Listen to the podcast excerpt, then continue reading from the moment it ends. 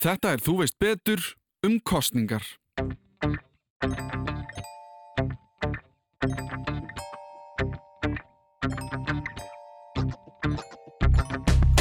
Tilgangur þess er að jafna hlutvöldin millir flokkana án þess að færa þingsætin þar sem að fólki býr. Atkvæðið þetta er hvort þið er náttúrulega að mestu leiti fyrst og náttúrulega yfirlýsing. Menn hafa lendið því að, var farið að sofa sem þingmenn og vaknað fyrir utan hund. Það ætti ekki að koma neinum af ykkur á óvart að fyrsti þáttur haustsins hjá okkur fjallar um mál, málana. Það sem við getum ekki forðast við að verða var við jafnvel þó við myndum fel okkur í helli. Kostningar eru á næsta leiti og þó okkur geti fundist þær leiðinlegar eða þreytandi. Við vitum ekki hvað við ætlum að kjósa eða hvernig sem það er. Þá er mikilvægt að nýta þennan rétt sem fjöldi fólks barðist ötulega fyrir að fá og hafa áhrif á samfélagi sem við búum í. En kostningakerfið sjálft hefur þó alltaf virkað frekar fráhrindandi á mig. Ég skilna en samt ekki, ég kýs en veit oft ekki almennilega hvað verður um atkvæðið mitt. Í þættinum í þetta skiptið ætlum við að leitast við að skilja kerfið betur, hvernig það þróaðist og hvað gerist eftir að við skilum exin okkar á kjörstað. Ég fekk til minn Gunnar Helga Kristinsson, professor í stjórnmálafræði við Háskóla Íslands, til að tala við okkur um þetta og eins og áður byrjum við á kynningu frá viðmælandarum sjálfum. Ég heiti Gunnar Helgi Kristinsson, ég er professor í stjórnmálfræði við Háskóla Íslands og hef verið kennandi við háskólan í lengur heldur en mig langar að rifja upp á þessum vettangi. Ég hérna bæði kenni stjórnmálfræði og, og sinni rannsóknum á stjórnmálfræði og mitt svona megin rannsóknarsvið en þetta er ekki endilega kostningar, heldur svona framkvæmdavaldið, þau séu ríkistjórnir og stjórnsíslan og sveitarstjórnir. En ég hef líka komið að rannsóknum á kostningum og kenni um kostningar þannig að ég get vonandi hjálpa ykkur eitthvað áfram með það.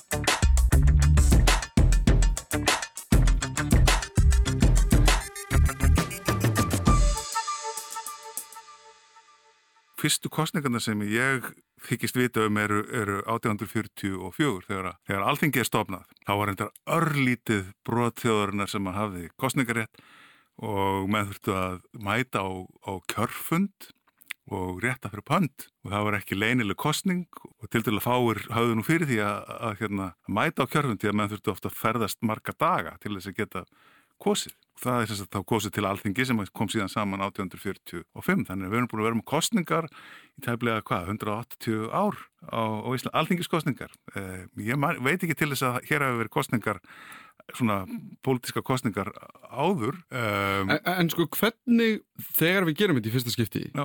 erum við að fá áhrifin einhvers staðar frá veist, eða erum við bara að segja heyru, við, við þurfum að búa til alþingi já. ég held að það sé best að gera það svona Þetta var náttúrulega í raun og veru bara var, alþingi var þessum tíma ráðgjáðaþing það hafði ekki löggjáðavald og það uh, var í raun og veru bara konungur eða, eða danska ríkistjórnin sem að ákvaða þetta skildi vera með þessum hætti en það var þetta þá bara svipuðum hætti sennilega eins og í, í Danmark á þeim tíma mm -hmm. þannig að, að þetta blastinu svolítið við um miðan 19. öll þá voru menn ekkit komin með mjög þróaður hugmyndur um það hvernig kostningakerfi gætu litið út, menn gerði almennt ráð fyrir því að það væri kosið þannig að menn næði sem næst meirluta á Íslandi á 19. öll þá var kosið í ásuna kjörfundi en það var meirluta kostningi þeim skilningi að það var kosið aftur þannig til að komin meirluti þannig að það var alltaf, alltaf þrjáru umferðir sem var að kjósa. Það var ekki bara ennfaldur meirluti eins og er í íslenskum fóstukostningum heldur menn kursa aftur þanga til að koma meirluti á kjörfundi. Og allir vissu hver var að kjósa hvað en hvernig, eins og nú erum við að kjósa flokka. Já. og ef þú ert í Reykjavík Hvernig var þetta þá? Varst það að kjósa bara einstaklinga? Það voru raun og ekki tilflokkar á þessum tíma. Þú kaust einhvern hérna bara af þínum hérna samborgurum. Mm. Bara af því þú fannst hann bara eitthvað nettur? Vantanlega vegna þessu treystir honum. Já. Þetta voru þá oftast einhverjir fyrir menni í héræði sko. Þetta gáttu verið síslu menn eða þetta voru ekki, ekki svona almúin sem var í frambóðu. En það hafði almúin ekki einu svona kostningar eftir þessum tíma. Svo sátu þarna þetta fyrir menninir, síslu þetta var kannski ekki sérstaklega aðlaðandi umhverfi fyrir svona þá sem áttu undir höggasæki kannski eða áttu eitthvað undir síslumannu segja það mm. ef hann var í frambóði sem var nú bara stundum sko. Mm -hmm. af því að síslumadur var bæði laurugla og ákjærandi og dómsvald á þessum tíma. Já, einu sami, maður. Já, einu personu. Já, og þá var bara kosið þanga til að það komi meiri hluti hvernig... Ákjörfundi, já Það þýðir bara sem sagt það að ef það voru 100 kjörfundi þá þurftur 51. Hversu margir voru sagt, á alþingi þá að því meir hluti, ég skil ekki alveg hvernig það virkar eða vart með marga í frambóði, segjum það, Já.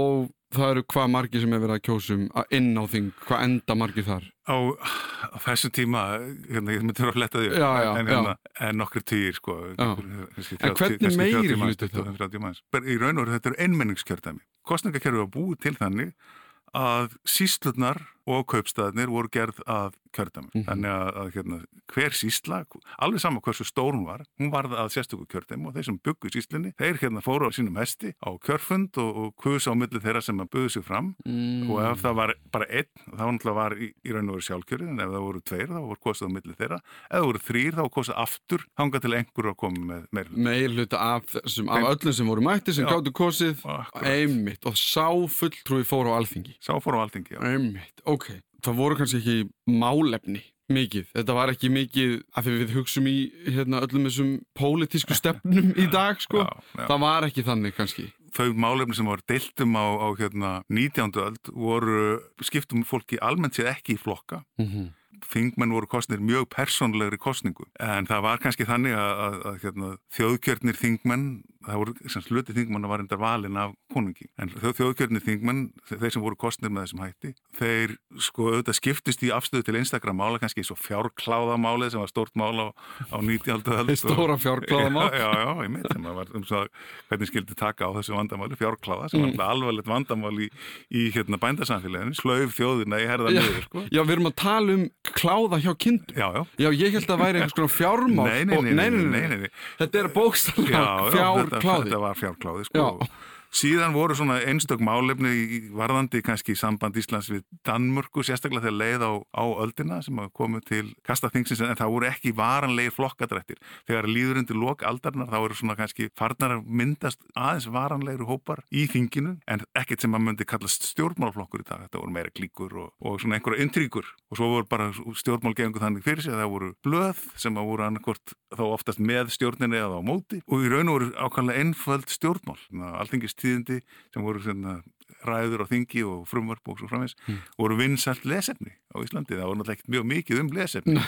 Fyrir utan biblíuna og kannski Íslandingasögurnar og og eitthvað svoleiðis og, og, hérna, og auðvitað svona hinn, hinn andlega yfirstétt landsins hún vildi allan að það væri fyrst um biblían og, og hérna Íslandikasögurna sem fólk væri að lesa mm. en það var svona eftirspurn eftir öðru efni eftir því sem leið á 19. öldina og eitt af því sem var vinnselt efni voru þingtíðindin. Og það er þá bara og ég veit að það tengis kannski ekki kostningum beint en það var þá bara ræður og alþingi sem var þá samt bara ráðgjáðaþing en ekki lögjáðað. Já, alveg, alveg, alveg til sem sagt 1874 þá var alþingi bara ráðgjáðaþing þar að að það í raun og veru getur bara sendt beðinir til dansku stjórnarinnar sem hún fórendur oft eftir. Því danska stjórnir var ekkert mjög sko, vel inn í íslensku málum og var nákvæmlega fákunandi mm. um íslensk málefnu og fylgdi þá mjög mikið ráðum ennbætsmanna eða þá hérna, einhverjum samþygtum þingsins. Mm. En frá 1874 þá hefur alþengi svona takmarkaðalögjavald og, og fjármyndingavald. Frá þeim tíma fer svona kannski að koma meiri beira bit í þessum þingi gerin en konungur hafði þetta sem hafði neitunavald. Þannig hann gæti alveg líka sopað út á borðinu því sem alþengi hafði samþygt. Hvernig þróast þetta svo, af því að við veitum all 1944 og það allt, en þú veist, þetta er svo miklu fyrr mm -hmm. sem alþingi stopnað. Já. Hvernig þróast, er þetta svona meira og minna sama fyrirkomulega á kostningunum svona framanna um, og þanga til að við förum að tala um sjálfstæði og að fara undan danaveldi og allu því?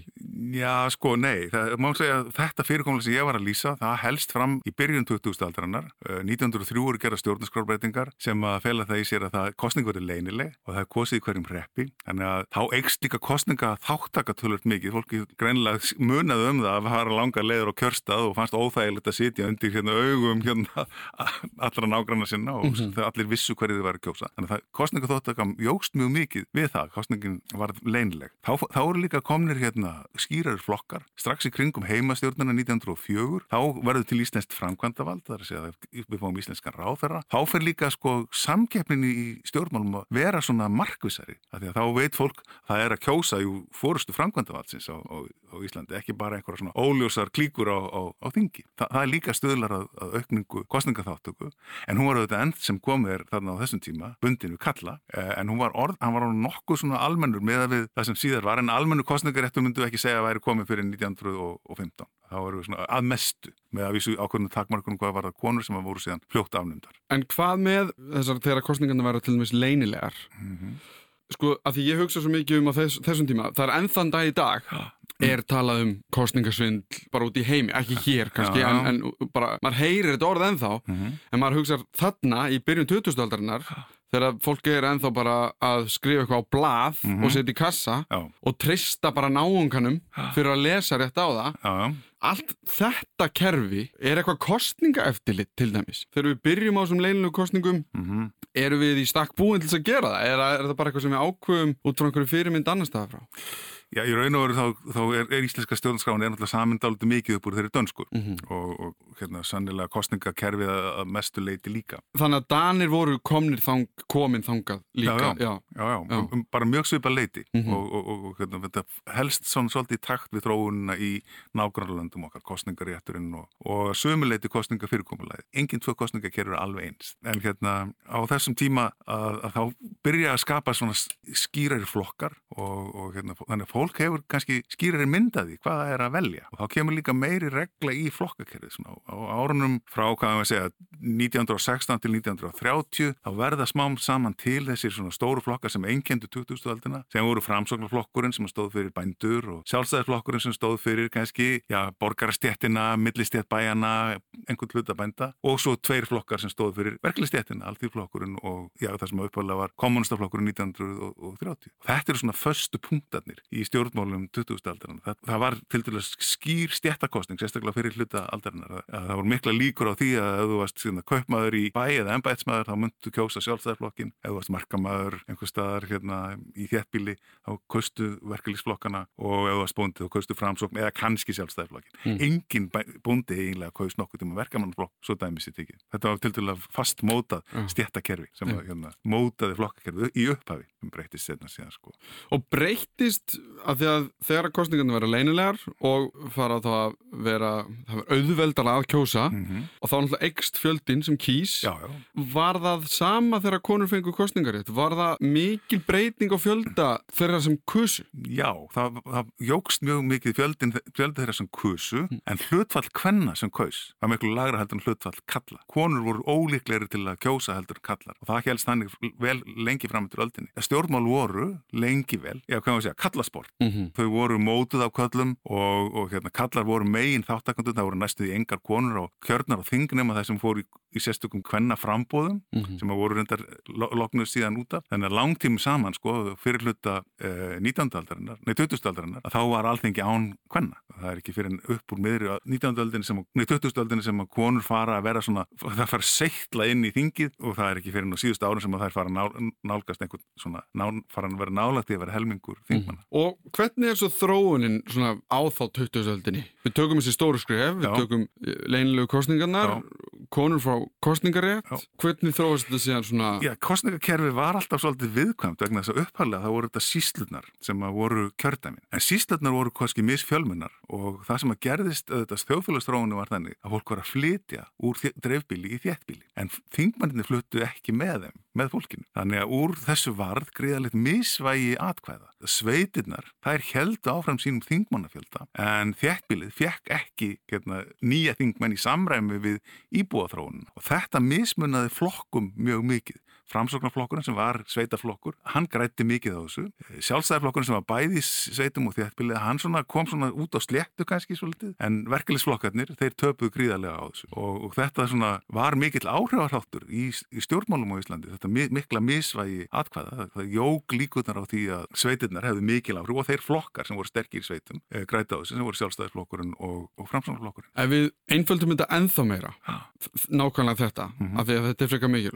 Já. Mhm. og ég ætla að segja hvernig ég held að ég skilji þetta Mm segjum sem svo að þú sért í Skagafyrði og þar búa hundra manns Mhm. og Skagafyrði fær þá segjum bara fimm alþingismenn Mhm. og og þá eru 100 manns allir, Já, það er einmenningskjördæmi sko Já, eða það er bara einn eða tvo, já, sko, já. Já. ok, ok, einn eða tvo Mhm. en síðan kannski flytja 50 úr Skagafyrði Mhm. til Reykjavíkur en það haldast ennþá, segjum bara tveir Já. í Skagafyrði, Já. þannig að Skagafyrður hefur ennþá sömu völd innan gesalapa en færri aðil á bakvið þau Já, völd Já, þetta er það sem við hefum við með misvægi atkvæða. Sko, sömu hundra atkvæðin í, í Skagafyrði, þau fá betri rödd á þinginu heldur en önnur hundra atkvæði í Reykjavík. Þessi skagfyrringar sem fluttu til Reykjavíkur, þeir missa dálítið af sínum pólitísku áhrifum.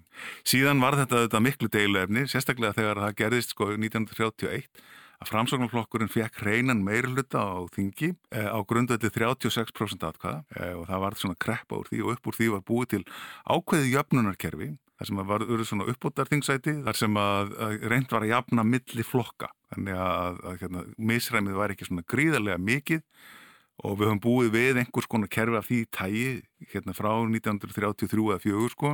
En eftir sem áður þá hefur alltaf verið viss slagsið í kerfinu. 1959 þá fóru úr þessu einmenningskjördæmakerfi yfir í hlutvalskostningar með, með hérna þá voru átta kjördæmi sem voru þá tekinu en eftir sem áður þá voru landsbyðakjördæmin hafðu miklu meiri þunga í fleiri þingmenn hlutfallslega á baku hvern kjósanda eh, heldur en, en þéttbíliskjördæmi og jafnvel í dag sko, þá erum við að sjá þetta sko, hérna, kostningakerfi hefur, hefur ekki endilega alltaf áhrif milli flokka, eh, það breytir ekki alltaf hérna, útkomi milli flokka en, en það getur gert á, í síðustu kostning undanförnum held ég þeir ennum kostningum þá hefur það skipt kannski breytt einu þingsæti og gæti gert það í hérna, kostningunum núna, eh, samkvæmt einhverjum líkonum sem menn hafa verið að keira en það er ekki víst að það gera það. En það er auðvitað þannig sem, sem áður að við erum búið með ennþá við þurfum misvægi atkvæða þannig að þéttbíliskjörðamin þrjú hérna í Reykjavík og í Kraganum þau hafa hlutfalslega færri þingmenn heldur en þau mundu hafa ef að atkvæði alltaf mundu vega jæmt. Við erum í raun og veru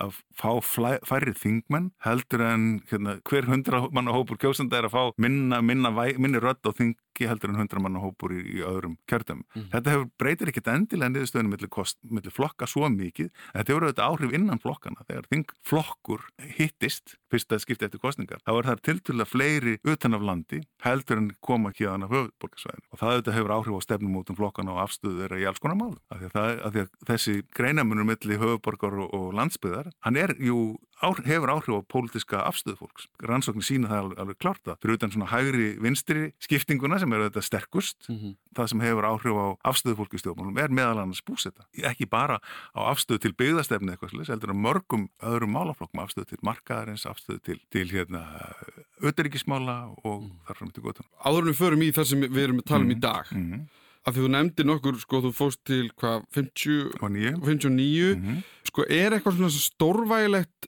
1944, þú veist, er eitthvað mikið sem breytist þá? Nei, sko Ísland fekk heimastjórn 1904, þá var í raun og veru stjórnin komin inn í landið. Fyrir mig, minn, minna þá er það mikilvægast að hérna, þá fá Íslands framkvæmdavald. Já. Þannig að það er mörguleiti mikilvægast að svona í innanlandsmálum, breytingin. Eftir það þá eru Danir ekkert mjög afskipta samir um íslensk mál þó að það megi finna dæmi um það. 1918 þá voru Ísland fullvalda ríki. Ef ætlum að segja að spurja hvenar er Ísland þá sjálfstætt ríki í þeim skilningi alþjóða samfélagi viðukenni okkur sem sérstætt ríki, þá gerist það 1918. Það sem gerist 1944 er að við, við heldum áfram konungssambandi við Danmörku. Það er að danski konungurinn var þjóðhöðingi í Íslendinga en á bilinu, tímbilinu 1918 til 1944 þá eru Danir mjög áhrifa litlir um íslensk stjórnmál fyrir utan, fyrir utan að hafa konungin. Þannig að það sem gerist 1944 er það að við breytum úr því að vera breytumst úr því að vera konungsriki sem við höfum verið yfir það að taka upp fórsetta sem mm. þjóðhauðingja. En aðrar breytingar eins og bara eins og hérna fólkst í samþýtt alþingis þegar það ákvaða að stíða þetta skref aðrar breytingar skildi ekki gera á stjórnskipun landsins heldur en það er sem leittu beinlins af sambandsleitunum við Danmörku. Af því að við erum að munna sko að 1942 þegar þetta er samþýtt þá er náttúrulega heimstyrjöld, Ísland er hernumið, en mikil óvissa um, um framtíðina, fólk gæti ekki vitað hvað myndi gerast og íslenski stjórnmálum en ákvaða, mínu viti með talsist sterkum rökum, að fara ekki að, að hérna, auka á óvissuna með því að búa til deilur um stjórnskipun landsins, hvernig stjórnarskráni skildi breyta á öðru leiti heldur en því að það varða að breyta konungi í fórseta. Svo breyting sem við gerum á stjórnarskráni þá snýr aðalega að því. Sko ef við förum þá svona þessi næstu 50 ár, Mhm. segjum það, Já. ef við getum líka að fara í 70 ár Já, já, akkurat. en hérna, er það þá þessi stóra breyting sem á sér stað á þessum tíma, þessum 70 árum, að við förum úr þá þessu... Einmenns og tímennis kjördamakerfi, já. Yfir í þetta sem við þekkjum kannski í dag. Já, langsamlega stærsta breytingin er 1959 mm -hmm. þegar við förum yfir í hlutvalskostningar. Það voru uppháðlega voru kjördamann 8 og það voru kostnir margir þingmenn á, á grundu til svona lista í hverju kjördami og núna eru kjördami 6 og kjördamakerfi hefur náttúrulega ekki næstum því mikil pólitísk áhrif eins og það hafði, þó að hafi viss pólitísk áhrif. Eftir 1959 og sérstaklega náttúrulega eftir ímsa breytingar sem voru gerðar hérna 87 og, og 99 þá hefur kostningakerfi ekki því eins mikil áhrif á pólitík eins og það hafði áður og er ekki eins mikið deiluefni. Ég skulle segja bara, taka sem dæmi sko að, að, að hérna, alþýðiflokkurinn fór illa út úr gamla kostningakerfinu fyrir 1959 mm. af því hann átti bara ekkert fylgi í sveitumlandsins. Síðan hérna verður ákveðin stefnubreiting í hjá alþýðiflokknum 1958, það vildu hverfa kannski til frjálsari markasháta og, og hérna kannski meiri þáttöku Íslands í alþýðulegu samstarfi, en það var ekki hægt því að eini samstarfsaðilinn sem að döðunum í það var sjálfstæðiflokkurinn sem hafði kannski svipað hugmyndir um þetta, en þeir hafði ekki, ekki meirluta á þingi meðalans vegna sko alþýðiflokkurinn fór í út kostningakerfinu. Þannig þessi flokkar tóku sig saman 1958 um að gera breytingar á kostningakerfinu sem gerði það verkum að það var hægt að mynda ríkistjórn sjálfstæðisflokksins og alþýðiflokksins 1959. Svo ríkistjórn stóð fyrir einsum mikilvægum breytingum í efnagsumhverfi Íslands, eh, stóð fyrir því að innlega kannski meiri markasbúskap á Íslandi, mm. stóð fyrir þáttöku Íslands í alþýðlugu efnagsamstarfi, ingöngu Íslands í EFTA og þar fram til gotunum. Þannig að, að, hérna, að því leitinu til þá var, þá var sagt, að dró úr valdi sveitana og, og dreifbilsins þó að það væri enþá tölvöld mikið. En það sem ég er að pæli í er, segjum svo að þú takir þessi, þessi sveitafjölu sem eru með þannig einn eða tvo þingmenn og saminur því eitt pott sem er þá, Já. ef við nefnum eitthvað kjördæmi út á landi, bara... Já, hérna, Norrlands kjördæmi Eistra. Já, til dæmis sem var yfir eitt, já. Af hverju missir það vægi? Já sko, áður voru þetta nokkur kjördæmi. Þetta var Akureyri og Já. þetta var, var Eyjafjörður og, og svo framvegð sko. Missaðu kjörmenn líka? Er, er sagt, heyrðu, þetta Já. er það fámenn, þið fáið færri inn á alþingi úr þessum? Já, leiðin náttúrulega var aðalega svo sko að þú fjölgaðir þingmannum þéttbílisins. Þannig að það fjölgaði þingmannum. Já, þannig að þau tóki kannski... í raun ekki af þeim, Nei, þau bara alltaf... fjölguðu í samhengi við hvað byggum margir kannski á höfuborgarsæðinu. Já, í, í megin atriðum. Ég myndi nú ekki mm. fullera það. Já, ég myndi ekki þóra að fullera að það hafa aldrei verið tekin neinn nein þingsæti af einhverjum en, og, og það hefur auðvitað verið gert jú, en, en í megin atriðum þá hefur leiðin verið svo að þú fjölgar þingmannum og, og þú fjölgar þeim þá á þéttbílistöðunum. Mm -hmm. Það er alltaf auðveldar að, að, að hérna, fara þá leiðina. Og þú sagðir þess að sögu af alþjóðfloknum og sjálfstæðsfloknum og þessi breyting, það hlýtur að hafa verið þannig að einhverjir hafa sagt nei, við viljum ekki breyta þessu kerfi að, að þetta gagnast okkur svona vel. Já. Hvernig fóru þessi tveir flokkar að því að breyta kerfinu svona mikið sér í vil? Já. Það sem að gerðist var það í þessu tilviki sko, framsóknarflokkur náttúrulega vildi alls ekki sjá slíka breytingu. Þetta, þetta er raun og veru gróf undan likil stöðu hans í stjórn, íslenskum stjórnmálum mm hann byggði mikið á sveitunum og varði grimmilega hagsmunni sveitana. Eh, Alþýðflokkurinn og sjálfstæðflokkurinn hafðu sennilega vissu af því 1958 að þau vildu stefna í stjórnarmyndun þó að þeir hafi ekki leið á borðinu formlega en það var þetta þannig líka sko að Alþýðbandarleið tapaði verulega kostningakerfin eins og það var þannig að það stutti þessa breytingu. Þannig að vil þó að Alþýðbandarleið erið ekki hluti af þessari nýju ríkistjórn sem var myndið 1959 að þá stutti það þessa breytingu sem að þetta styrti stöðu Alþýðbandarlegsins í íslensku stjórnmálum. Mm -hmm. Það, þau voru ekki þau einu sem kvöldi en framsunarflokk, af því það er það sem ég ímyndaði mér sko, ef ég hefði verið í framsunarflokknum á þessum tíma, já, já. að þá hefði ég sagt bara, herðu, herðu, herðu, stopp, stopp þetta er alveg að springja andlita okkur. Við höfum þrjú dæmum um svona sko, deilur, sko, 1931-3 þá var framsunarflokkurinn á móti hinnum um breytingu á kostningakerfinu og framsunarflokkurinn varði hagsmunni sveitana. 1942 eru aftur deilur um kostningakerfi og þá var aftur framsunarflokkurinn gegn hinnum og 1959 framsunarflokkurinn gegn hinnum. Aðrar breytingar sem hefur verið gerðar síðan hafa í rauninu byggt af því að framsunarflokkurinn hefur í rauninu verið sætt sig við það að það markmiði eigi að vera jöfnur á milli stjórnmálaflokka. Þú segir þetta, jöfnur á milli stjórnmálaflokka. Sko, í mín eru hljómar eins og við sem að reyna að segja já þeir eru bara öll jöfn, en það er anstaða kostninga þar sem við erum að reyna að fá einhvern meiri hluta. Já, en, en það sem að sko, ef við segjum sko að, að framsóknarflokkurinn hafi 20% kjósenda, að það fá hann 20% þingsæta. Mm -hmm. Það er það sem ég á við með jöfnur á milli stjórnmálaflokka. En á sama tíma að það var ójöfnur á milli kjördæma, þannig að ef það byggu 10% kjósandi í einhverju landsbyðarkjördæmi þá gæti það verið að fá 15% þingmann. Mm, það er verið að jafna þetta út. Þannig að flokkarnir voru mjög næmur á það að hafa jöfnuð millir flokka en vildu halda í ójöfnuðin á milli kjördæma, mm -hmm. milli landsbyðar og höfuborgarsæði í megin. Og þá hlýtur að vera til eitthvað kerfi sem er til þess að jafna þetta út. Er það það sem er, þú veist að nefna 80 og 99 já, já. og eitthvað slúðis? Já, Bar... það, það eru til ákveðin, það hafa alltaf verið til, eh, alveg frá 1933, einhverju mekanismar í, í, í kostningakerfinu til þess að jafna vægi atkvæða mm -hmm. á milli kjördæma en það kerfi hefur aldrei dugað alveg til þess að, að hérna, jöfnurinn eru fullkomið. Þetta hefur gert það verðum og íslenska kostningakerfi er flókið ekki gegn sætt og það hefur um. stundum verið bara svo yfirgengilega flókið að engir nema kannski bara sérfræðingar gáttu útskýrta hvernig það fungir en það hefur aldrei náð samt þráttur þess að þessu markmiði að jöfnurinn ætti að vera fullkomin á milli kjördæma en það hefur oft í setni tíð náði að, að það Það geti kannski komið einhverjum á óvart hvað er langt síðan við byrjuðum að kjósa til alþingis þó það hefur verið frekar förðuleg kostning til að byrja með allir saman í herbergi að réttu pönd meðverkni í Íslendinga myndi gera slíkt ómögulegt á okkar tímum, skiljanlega svo sem. Kostningar eftir hvenna er stórt skref en auðvitað breytist mikið þegar kostningarnar verða leinilegar. Við förum að kjósa flokka frekar en einstaklinga og svo auðvitað þegar við breytum kerfinu og reynum að jafna vægi atkvæða eftir landslutum sem er frekar flókin pæling svo ég skil ef hún er ekki alveg skýr svona strax Svo við tökum þetta skref fyrir skref kostningarnar eins og þeir eru í dag hvernig virka þeir nákvæmlega? Flokkarnir bjóða fram í ekki í öllum kjörnum en oftast í öllum kjörnum sinn lista af fólki og þú getur kosið listan bara með því að velja við listan en þú átt líka möguleika á því að streka út nöfn á listanum eða breyta röð frambjóðanda. Það getur haft kannski svona tákrannan tilgang, það er engin dæmum að það hafi í raun og veru breytt samsetningu þingsins. En við höfum í sömum tilbyggum við erum umdelda stjórnmálumenn sem hafa, hafa í raun og veru fengið svolítið skell í kringum svona útstrykkanir en í meginadröðum það sem skiptir máli er hvaða listi, hvaða lista þú velur. Það sem gerist síðan er það að þessi listi, hann fær ákveð hlutfall uh, atkvæða í þínu kjördæmi. Og þú fylgist með því, spentur náttúrulega hvernig ræði mínu fólki mm -hmm. á, á hérna, kostninganótt en það sem rugglar þig í rýmunu er það að útlutun í þínu kjörðami fer ekki bara eftir því hvaða atkvæð listinu fengið í þínu kjörðami heldur er ákveðin ringegja það er síðan það eru jöfnunarsætin. Það er þannig að 54 þingsætana eru bundin við kjörðami en nýju eru jöfnunarsæti.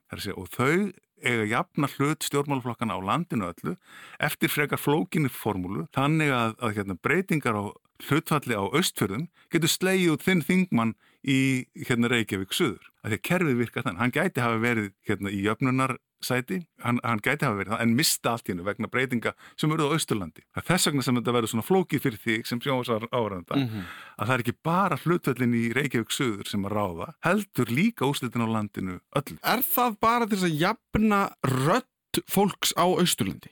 Já, upp, uppbóta kerfið, það er tilgangur þess er að jafna hlutvöldin millir flokkana án þess að færa þingsætin þar sem að fólki býr. Það er þess vegna sem við erum með uppbóta kerfið. Ef við, ef við hérna, værum með kannski kostningakerfi sem endur speiklaði betur búsetu fólks, þá fyrtu við ekki uppbóta kerfi. Þá, þá gætu við hérna, verið með til dæla stór kjörtæmi með einhverja kostningaformúlu sem útlötaði bara þingsætum í hlutfalli við hérna, atkvæðafjölda þá getum við sleppt uppbótakerfinu. En uppbótakerfið endur speiklar vilja hins pólitíska lífs, til, eða þingsins og stjórnarskrákjáhans til þess að mismuna kjósundum eftir búsitu. Á þess að mismuna flokkum um of. Mm -hmm. Þannig að þetta er, þetta er auðvitað klassist svona fyrirkomlag sem flokkarnir hafa samið um sín á milli til þess að jafna sína aðstöðu mm. en hérna kannski hagsmunur okkar kjósundar sem er búin til dæmis í höfuborgarsæðinu væri auðvitað kannski frekar að, að, að hérna, þetta væri allt saman útkljáð í hverju kjörðum fyrir sig. Það er það sem ég er að, að já, af því það er, ég, ég er að hugsa, en býtu, okkur erum við ekki bara með þetta í réttum hlutföllum til að byrja með? Vegna þess að það er pólitísku vilji fyrir því já. að hafa vægi landsbyðarinnar meira í stjórnmálum heldur en nefnur höfðatölunni. Það er, bara, það er í raun og veru svo einfalt. Sko. Af því að nú skila flokkarinn listum. Mm -hmm. Sumir þeirra í öllum kjördamum, Já.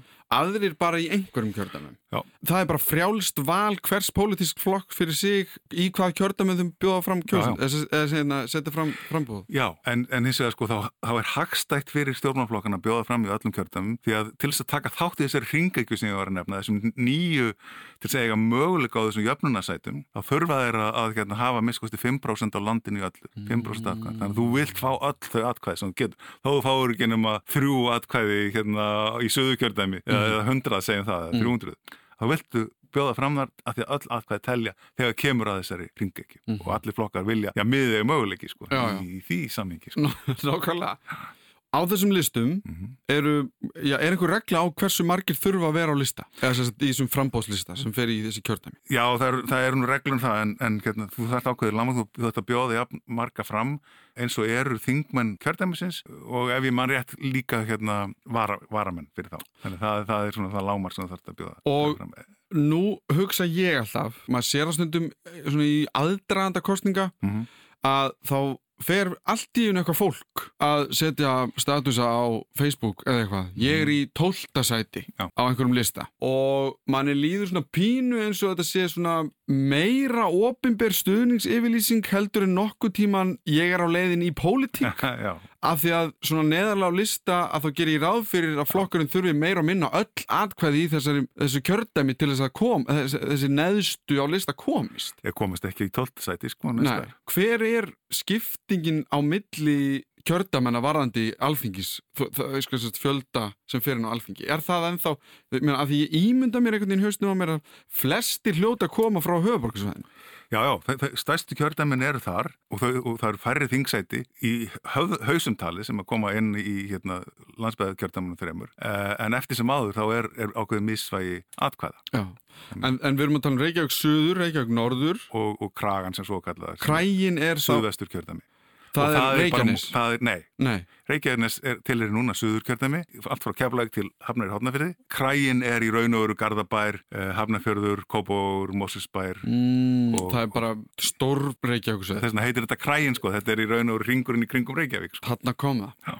Og síðan eru við með þá Vesturland, Já, Norðvestur kjördæmi Norðvestur kjördæmi, Það er frá í raun og veru sko þá skagafyrðið að Akranessi. já þetta er svona stórt svæði. Já, Og síðan þá Norðausturland, já, já, sem er þá frá Akureyri og alveg, já, eins langt nála töfn eins og mögulegt er sko. Og svo, og hvað þá eftir? og svo Suðurkjördæmi sem er Suðurlandið og Reykjanes. Reykjanes er náttúrulega fjölmennasti, eða fjölmennur hluti. Og þegar maður byrjar að pæla í þessu svona, að þá landfræðilega, er þetta náttúrulega, mér ef við fyrir bara í Reykjavík Suður og Norður, þá er þetta rosalega lítill punktur á landinu, sem er með örgulega flesta já, er með um helming þingsetta. um helming þingsölda, já, Alveg um helming.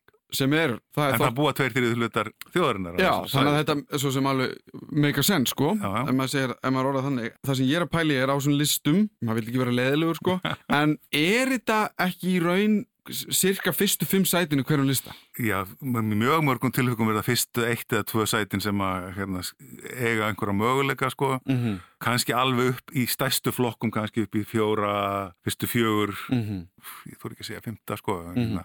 en þegar þú komin upp í sjönda eða áttunda sæti þá ertu ekki á leiðinni á þingi langsamlega flestum tilfengum. Sko. Nei, að sé ekki samt bara þessi ringekja sem sé kannski að að, að ruggla mig mest, sko. Hún, það er hún sem að gera fólk sko, dregur umtalsvert úr skemmtigildi kostninganætur til dæmis. Að hérna, þú, það er svo erfitt að sjá fyrir sko. auðvitað skapar þetta ákveðna spennu mm Mhm. -hmm. menn getur verið inn um fjögurleitið þegar þá er atkvæðið talin og svo allt í henni gerist eitthvað lítið í allt öðru kjördæmi já, og þú dottir út af þingi menn hafa lendið því að það var farið að sofa sem þingmenn og vaknað fyrir utan þing sko, að því ég skil það en samt ekki alveg. já, Segjum svo að þú sért í fjórðasæti já, á einhverjum lista í Reykjavík Bara sama hvað pólitíski flokkur það er. já, Flokkurinn er búin að fá það mörg atkvæði já, í Reykjavík Suður mm að þú ert inn á þingi. Já, og það er þannig sem þetta virkar. já, já, Hvað þarf að gerast í kjördæminu norðaustur Já. til þess að þú dettir allt í nú út af þingi? það sem þarf að gerast sko, er það, eins og ég, var að nefna sko, með þessi 54 sæ- sæti sem eru bundin við kjördæmi Já, og þessi nýju sem að, að hérna, eru uppbótarsæti að það sem þarf að gerast er það að sko, þú sem fjórði ert kannski í hérna uppbótarsæti, jöfnunarsæti af hverju er ég setja?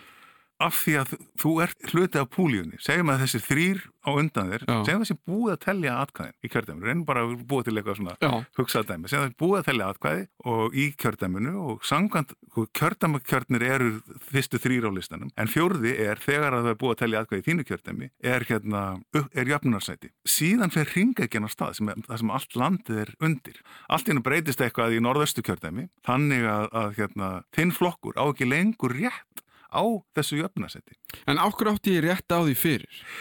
Það er síðan sérstök formúla fyrir því hvernig hefnar, sætum er útlutað innan flokks og hérna, ég held að það væri að æra óstöðun að reyna að fara, Ok, fara út í ok. það hér Já. en, hérna, en allavega, segjum að þú hafir átt rétt á þessu, þarna samkvæmt þessu úslitum í þínu kjördæmi og dreifingujöfnun að sæta, Mhm. en svo breytist dreifingujöfnun að sæta og allt í hennu á þinn flokkur kannski ekki rétt á þingsætinu eða þessi formúla um hvernig þau dreifast innan flokks að hún virkar þér í óhag, að þú getur dott út Mhm. í teóriunni getur þetta gerst svona Og segjum sem svo að einhver flokkur fái öll atkvæði í í einhverju kjördæmi Já, sem að hefur aldrei gerst. nei, nei, En komast þá bara allir á þeim listi inn á, á þing já og enginn úr hinu listunum. Já, það komast allir af þeim lista sko, bara jafn margir af þeim lista eins og eru þingsæti í kjördæminu. Hmm. Þannig ef það eru, ef það eru tíu þingsæti í kjördæminu og allir kjósendur þessi lista kjósa hérna, flokk A, Mm -hmm. að þá, hérna, þá fá þeir all sæti. Og bara svona svo að það sé á hreinu innan kjördamanna Já. þá er einhver önnur formúla í Mhm. gangi sem að segir að þú ert bara með þessa köku Mm -hmm. og 30% af þeirri köku Já. þýða þetta mörg sæti. Já, já, þetta er...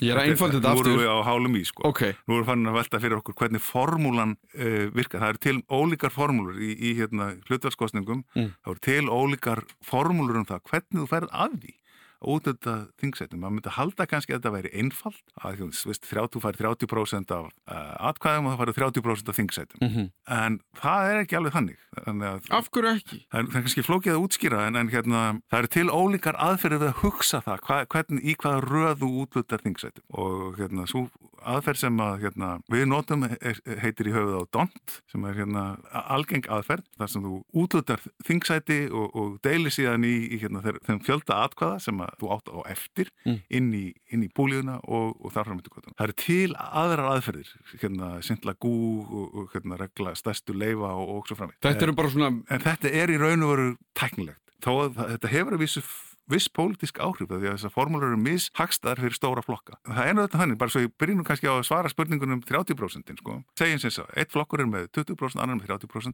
en svo falla 7% atkvæða niður döið. Bara einhver sem skilur auð. Nei, Nei. þau falla niður döið þeim skilningi þau fara á flokka sem að fá ekki þingsæti. Ah. Þá er spurningin hve- hvernig ferði að því að reikna inn hver á þá besta tilkallið til þess að fá þetta er einhver 7% segjum Mm. af hérna, atkvæðum í, kjördæminu eru, eru ekki hérna, lifandi sko. Þá er spurning, hva, hvað er réttlátasta reglan? Er það hérna eða það eru mismunandi leið til að hugsa þetta en Mhm. hvað vantar þið mikið upp á til þess að eiga rétt á næsta þingsæti og, og þessar ólíkur reglur eru í raun og veru leiðir til þess að, til þess að hugsa það eða, eða taka á Bara því vandamál. útkljá, útkljá Já. það má. Já, og það þarf að gera það með einhverjum mætti og það, það eru hérna, það eru mismunandi svona, hvernig menn hugsa þessa deilitölu sem að menn nota í, í hérna, atkvæðafjöldan. Mm. Þetta er í raun og veru gert þannig, sko. Þegar þú er búin að fá þingsæti, þá breytist talan sem er deilist, sem þú notar sem deilitölu eða nefn, nefnara í hérna atkvæðafjöldan sem kemur til álita og er þá borin saman við atkvæðafjölda annara flokka sem er er búin að, hérna, þú er búin að útluta einu þingsæti, þá, þá deilist í, í at, atkvæðin sem þú átt þá er sá, svo tala borin saman við atkvæðafjöldan sem aðrir flokkar hafa sem hafa kannski ekki fengið neitt þingsæti þá kannski er flokkur B komið með fleiri atkvæði til að bera saman við þín færri atkvæði heldur en áður ég veit að þetta er ekki gott að útskýra Nei, ég skil ég, ég næst að fylgja þessu, sko. flókið, en þetta er einhvern veginn þarf að gera þetta Já, já, ég meina, af því mér finnst svo að sko þetta, að ég er alltaf átt að með á því að starffræðin á sér stað eiginlega bara út um allt Aha. og í öllu. Já. Og maður hugsa oft að kostningakerfið sé bara eitthvað svona, já, maður kýs bara þetta Já. og þá bara fer þessi inn á þing já, já, og eitthvað. En að það sé líka komið þar inn í, herru, nei, Við þurfum að vera með einhverja formúlur sem einhver fann upp á. Já, og það er ekki til fullkomin fólmúla, það er merkilega við þetta. Það er, engin, er ekki til neinn 100% sangjörn aðferð. Svo aðferð sem við notum, að hún er hérna kend við dont og hún þykir hyggla stórum flokkum. Það er bara effektin af reglunni. Þess vegna eru til aðrar aðferðir eins og í Skandinavíu sem, að, sem eru svona fara aðeins aðra leiðir. Þú delir ekki með einum, tveimur, þremur, fjórum, heldur þú delir með hérna, einum, þremur, fimm, sjö Mm. og heggur hraðar á atkvæða fjölda stæsta flokksins og þú fær meiri líkur á því að þingmannasamsetningin endur speikli kjósundur með þeirri aðferð. En þetta eru fínessur. Þetta er, er komin út í eitthvað sem að sko, engin kjósandi á í raun og pæli. nema bara þeir sem hafa sérstakann áhuga á því. Já. Að Þurfa, þetta áhuga að virka þannig að, að niðurstaðan sé sem næst hérna, kjósandafjöldan eða Mm. hlutfalli kjósandafjöldans. Mm. Nú er ég búin að heyra einhverja vera að tala um, við eigum bara skilin auðu Mm núna, Já. eitthvað. Já. Ok, ef við byrjum bara á því að skilin auðu -hmm. sem er ekki að sama og fara ekki og kjósa. Nei. Hver er munurinn á því? Að sleppa því bara að kjósa Já. og að skilin auðu. Já, veltu því bara fyrir þér og þú ert að tólka annars vegar hérna þá sem sitja heima og hins vegar þeir sem skila auður. Þeir sem sitja heima, þeir geta sitja heima á alls konar ástæðum. Þeir geta verið í útlöndum eða haft rosalega mikið að gera eða, eða eitthvað. Og einhverjur þeirra hafa engan áhuga á stjórnmálum. En þeir sem hafa fyrir því að mæta á kjörsta og skila auðu, þeir eru að gefa skilabóð. Það er ekki bara það að þeir gátt ekki ákveð sig, þá myndi þeir bara sitja heima. Þeir sem skila auðu, þeir eru að segja ég er ósáttur við eitthvað. Ég er ósáttur við þá valkosti sem er í bóði er náttúrulega langsamlega nærtækasta skýringin. En hvað gerir það? Já, það gerir ekki neitt sko Nei. í raun og veru, það er bara yfirlýsing Mm atkvæðið þetta er hvort þið er náttúrulega að mestu leiti fyrst og næst yfirlýsing um það að þú múnt ekki sennilega breyta mjög miklu með þínu einstaka atkvæði um það hvernig næsta ríkistjórn verður, sam, verður samsett. En, en þú ert að gefa yfirlýsingum og þú ert að tjá óskir þínar um eitthvað. Og það getur verið mismunandi hluti, það getur verið að þú viljir stiðja einhverja personu eða þú viljir ákveðina tegunda ríkistjórn eða það er sé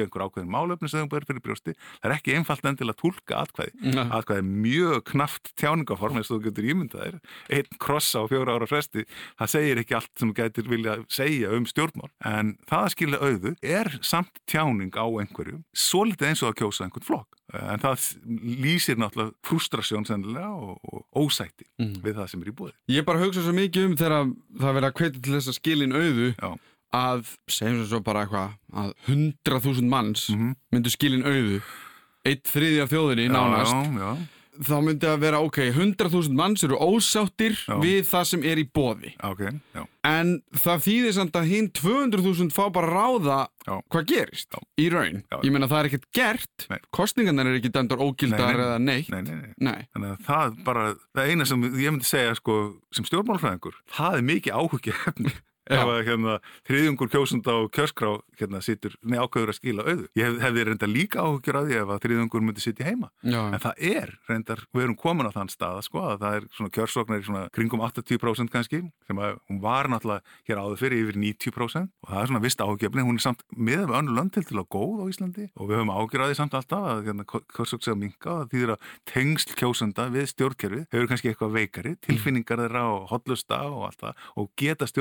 til þess að virkja hugsun okkar, okkar um stjórnmál en að skila auðu, það lýsir ekki bara sko því að þau takist ekki að virka því heldur að þú ert á móti, þú ert í grundan allar rættunum ósáttur við matseðil þetta er eins og að, hérna, eins og að mæta á, á veitingastað og segja ég ætla ekki að panta neitt. Mhm. En munurinn kannski er að þú ert fastur á þessum veitingastað. Já, einmitt, það, er- það er hérna það er og ekki endanum verður að borða eitthvað. Já, vendanlega sko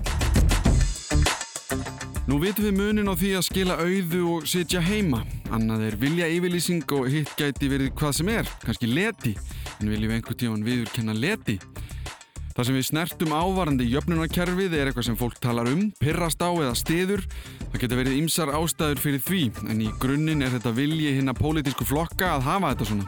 Það að kjósa er ekki eins klift og skorið og við höldum. Það eru margar breytur sem koma þarna inn í og ekki tilumni til að fara í þær starffræði formúlu sem stjórna því á þessu stígi málsins. En það eru nýju jöfnunamenn sem stíga inn í þessa ringegju sem snýst ring eftir ring, þá getur öll atkvæði eru talin. Því getur enginn farið örugur að sofa fyrir en öll kurl eru komið til grafar. Ef þið áttu erfitt með að fylgja útskýringunum hér áðan, mæli með því að hlusta aftur. Það virkaði vel fyrir mig að heyra þetta í annarskiptið. En för núna aðeins út í framtíðina. Erum við bara komin með þetta kerfi til frambúðar eða er einhverjar breytingar í sjónmáli? það er náttúrulega alltaf verið að ræða um, um kostningakerfi, það er náttúrulega miklu hagsmunir í húfi í kostningakerfin fyrir stjórnmálumenn. Við erum svona með kostningakerfi sem virkar alveg. Við getum deilt um hérna, ákveðina eiginleika þess og fólk hefur verið að ræða um ímsa uh, hluti, hérna, vægi atkvæð er eitt af því sem við höfum verið að sko, ræðum hér sko. Það mætti alveg hugsa sér að við myndum skoða formúluna líka en hún er kannski frekar tæknileg og reyfur ekki mikið við almennum kjósendum. Svo hefur fólk líka rætt um persónukjör, hvort það ætti að auka möguleika kjósenda á því að velja einstaklinga. Óháð flokkum þá. Já, óháð flokkum eða jafnvel breyta að bæta fórsöndu þeirra til að hafa áhrif á röð þeirra innan flokks líka. Þannig að það hefur meiri áhrif ef þú ert að ræða einhvern veginn öðru svo upp eða eitthvað þannig. Já, Ertu að menna það? þannig að það sé auðveldar. Núna, við, höfum, við getum strykað út eða breytur röð frambjöðanda en ymsir hafa áhuga á því að það væri auðveldar að láta það virka. Að, og það eru, það, eru, það eru kannski, sérstaklega kannski í Svíþjóð og Finnlandi, þá eru, eru meiri möguleikar á því að, að hérna, hafa áhrif innan, innan flokk sérstaklega heldur en, hérna, heldur en hér er. En, en, en hérna, þetta er ekkit allstæðan. Í Nóri illum er ekkit miklu möguleikar og slíku og, mm -hmm. og svo framvegis. Þetta er svona svolítið spurning um hverju þú vilt ná fram, hvort þú vilt auka persónukjör. Sumir telja að ábyrð þingmanna er þið meiri ef það, ef það er hérna, staðið frammi fyrir því að þurfa að vera person, mæta persónukjöri. Af því þá náttúrulega geta ekki falið sér á bakvið flokkin eða eitthvað. Já, já. já. Þeir, þá þurfa þeir að vinna atkvæði kjósenda, þeir þurfa að höfða til kjósenda en aðra hafa áhugir af því að það myndi leiða af sér upplösn í þingina því að þingmenn eru þau aðtiklis sjúkari heldur en þeir eru í dag þú væri alltaf með upplöf, þú þurftir alltaf að vera með læti mm -hmm. til þess að bara fá, fá sjónvarsmyndavélarnar að þér Já. þetta gæti leitt til upplösnara á þinginu þannig að það eru svona rög með og, og mótið þessu. Fálönd fara mjög, ganga mjög langt í þessa Ég ætlaði einmitt að spyrja því sko hvort að það sé fordæmi fyrir því sem við erum að horfa til.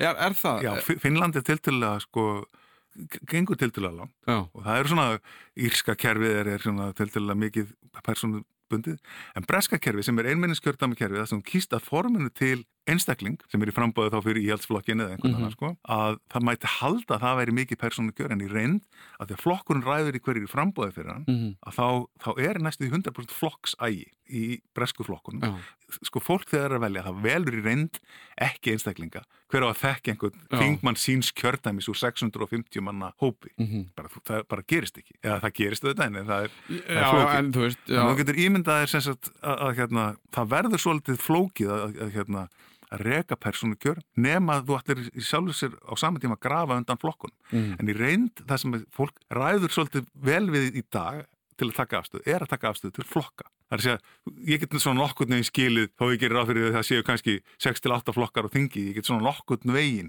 skilið hverju munurinn á þeim og, mm -hmm. og hverjum ég tristi og hverju ég held að ég vilji sjá í ríkistjórn. En þegar ég á að fara með þetta niður á þingmannaleflin, taka afstöð til einstaklinga. Þá þarf þú að vera með miklu meiri vitninsku um. Á þá hver einstakur þingmar og vera með sitt eigið prógram, mm -hmm. á hann vera með sína eigin kostningastefnusgra og hann segja hvað hann ætla að gera. Þá ertu í raun og veru að hafna hugmyndin um stjórnmannaflokka sem eru í raun og veru máttarstólpi fullrúalið þessins. Það að geta valið með flokka sem bera ábyrða sínum stefnumálum og þú getur kosið á út úr stjórn inn á þing eða, mm -hmm. Eða þar á mjög En það sem ég pæli í er að því að við tölum um kostningatölur að kjörsók mm -hmm. á það Já. og hún hafi einu sinni verið 90% og maður heyrir oft í umræðu bara líka í löndum í kringum okkur Já. að hún virðist bara vera alltaf að fara lækandi. Já, svona heldur niður á við. Já, Já allavega ekki upp á við. Meini. Hvort hún standi í stað eða eitthvað. Já, og verða sveiflur. Já, Það sem ég er að velta fyrir mér er að við höfum snert á því hversu flókið kerfið og kostningavakan og kvöldið og það allt mm, mm. getur verið. Já. En svo ég nefndi að væri kannski ástæðan fyrir því að mér langaði að ræða þetta væri Já. að manni finnst oft hlutir leiðilegir Já. sem maður skilur ekki. Mm -hmm. Þannig að það sem ég pæli er hefur eitthvað verið talað um að breyta þessu fyrirkommalagi sem við höfum hér til þess að vera að skýra það svo að það sé líklar til að fólk skilji það mm. alveg og sé mitt ekki að lendi því að sá sem það kaus í flokknum hérna mm detta allt í nútu um miðan nót út af einhverju kerfi sem það veit ekki okkur auðvitað ein af hugmyndunum sem hefur verið fleikt fram og sem stjórnmálflokkar hafa aðtilst sko á Íslandi er að gera landið einu kjördæmi. Allt landið væri eitt kjördæmi og þá með þá einhverja kostningaformúlu sem væri þess aðlis að það myndi sennilega skila mjög jöfnum hlutvöllum mm -hmm. á milli stjórnmálflokka og þá væri það bara úrslitin á landsvísu sem að réðu því hérna hvernig, hvernig þingið væri samsett. Þú gætir að þetta útfærta þannig að eftir sem áður væri byrtar hérna, niðurstöðu kostningana að það er svolítið boring að sjá bara eina tölu fyrir landið í heim, þú hefur áhugaðið að vita hva, hvernig gengur í hérna á þessum staðnum eða hinnum staðnum, það væri, væri áhugaðefni. Þannig að sumir hafa hreift við þessari hugmynd og ef að markmið er að hérna að fá samsetningu þingsins til að endur speikla samsetningu kjósenda, þá er það í sjálfur sér ágættis hugmynd. Mm. En hún hefur hins vegar ákveðna ókosti. Einn er sá að, að hérna, sennilega er þið þröskuldurinn í slíku kostningakerfi frekar lár. Þröst það sem við ekki að kalla þröskuld oh. er, er hérna, eins og þessi regla sem ég nefndi á það 5% atkvæða til að koma til greina varandi í öfnum atkvæði. Það er í mörgum kostningakerfum svona þröskuldur, sérstaklega þeim sem eru hafa tryggja frekar mikinn hlutfallsleika. Þröskuldur sem segir sko, þú þart að komast yfir þetta 5% mm -hmm. til þess að eiga möguleika á þingsæti. Þannig engin flokkur sem er undir 5% atkvæða kemst á þing. Það kallað þröskuldur og þú erið þá, vantarlega þú gerir all landið að, að, ein, að einu kjördæmi, þá erið þau sennilega að að hugsa um þröskuldana því að hlutur þingkostninga er öðrum þræði að tjá óskir okkar en hinnum þræði líka að velja ríkistjórn og það, það gleymir stundum sko að, að hérna, ríkistjórnir, það er erfitt að reyka ríkistjórnir með mjög mörgum það er bara, það er er bara, já, það er bara eins og að vera húsfundi já, já, í blokk. Já, akkurat, því fleiri sem er á fundi, því flokknar er samhæfa mm. gjörðirnar Þannig að það er, það er eitt af því sem fólk hefur áhugjur af, þú getur all landið að einu kjörðæmi, það, það gæti skapa vandamál nefnum þú hafur alveg skýra hugmyndum hvernig þröskuldar eigi að virka. Hitt sem að fólk hefur áhugjur af, varandi það að gera landið að ein, einu kjörðæmi. Nú er ég búin að nefna kostina við það, að, hérna, hinn ókosturinn er kannski sá að starf stjórnmálaflokka, það, virk, það miðar svolítið mikið að það, það er staðbundið. Hérna, og, og það sem að gerir það að starfa í stjórnmálflokki áhugavert kannski fyrir fullta fólki er það að, að hérna, það tekur þátt í félagsstarfi mm. og hefur áhrif í hérna sínu kjördæmi og fær að hafa einhver, fær einhver tengsli þingmannin sinn Þetta er persónulegra. Já, og verður svona all, það er alltaf auðveldra að hérna, hafa áhuga á hlutum sem eru nálagt manni heldur en fjærmanni mm -hmm og hættan væri kannski svolítið svo ef landið er einu kjörðæmi að þessi tenging myndi veikjast mm -hmm. eftir sem áður eru við sem sveitastjórnir og, og sveit, í sveitastjórnarkostningum það fáu þessa tengingum en, en hvað landstjórnina varðar þá, hérna, þá eru þetta hætt við því að þessi tengsl eru kannski svolítið lausleiri og það gæti dreyður áhuga fólks á mm -hmm. stjórnmálum. Þannig að flest ríki eru með kjörðæmaskipningu mm -hmm. en ekki all Holland til dæmis er ekki með, með kjörtami. Þannig að við erum, við erum allavega ekki að horfa á einhverjum svona stórvælega breytingar eins og við höfum rætt áður í sögunni. Það er kannski einhverjar smávægilegar svona tweaks, ég er að fara, ég veit ekki hvað, hvað mann ekki hvað, svona já. stillingar. Fínstillingar. Fínstillingar, já. já. já. Ég skal ekkert út, útiloka það að það verði breytingar á, að persónu kjör verði aukið ég skal ekkit útiloka það að veri breyningar og vægi atkvæða. Að landi verið eitt kjörnum er auðvitað alls ekkit útiloka ég sé það nú ef ég sé ekki gerast alveg á næstunni en það gæti gerst í einhverju, einhverju framtíð. Og þetta er greinlega þá alltaf svona hálf lifandi framkvæmt Já. Við erum aldrei sett í, í stein. Nei, íslenska kostnækkerfið hefur alltaf verið að breytast í gegnum tíðina. Við erum búin að vera með, ef við teljum saman sko eh, kostningakerfi frá uppafi þá við höfum við sennilega haft svona 11 kostningakerfi mm.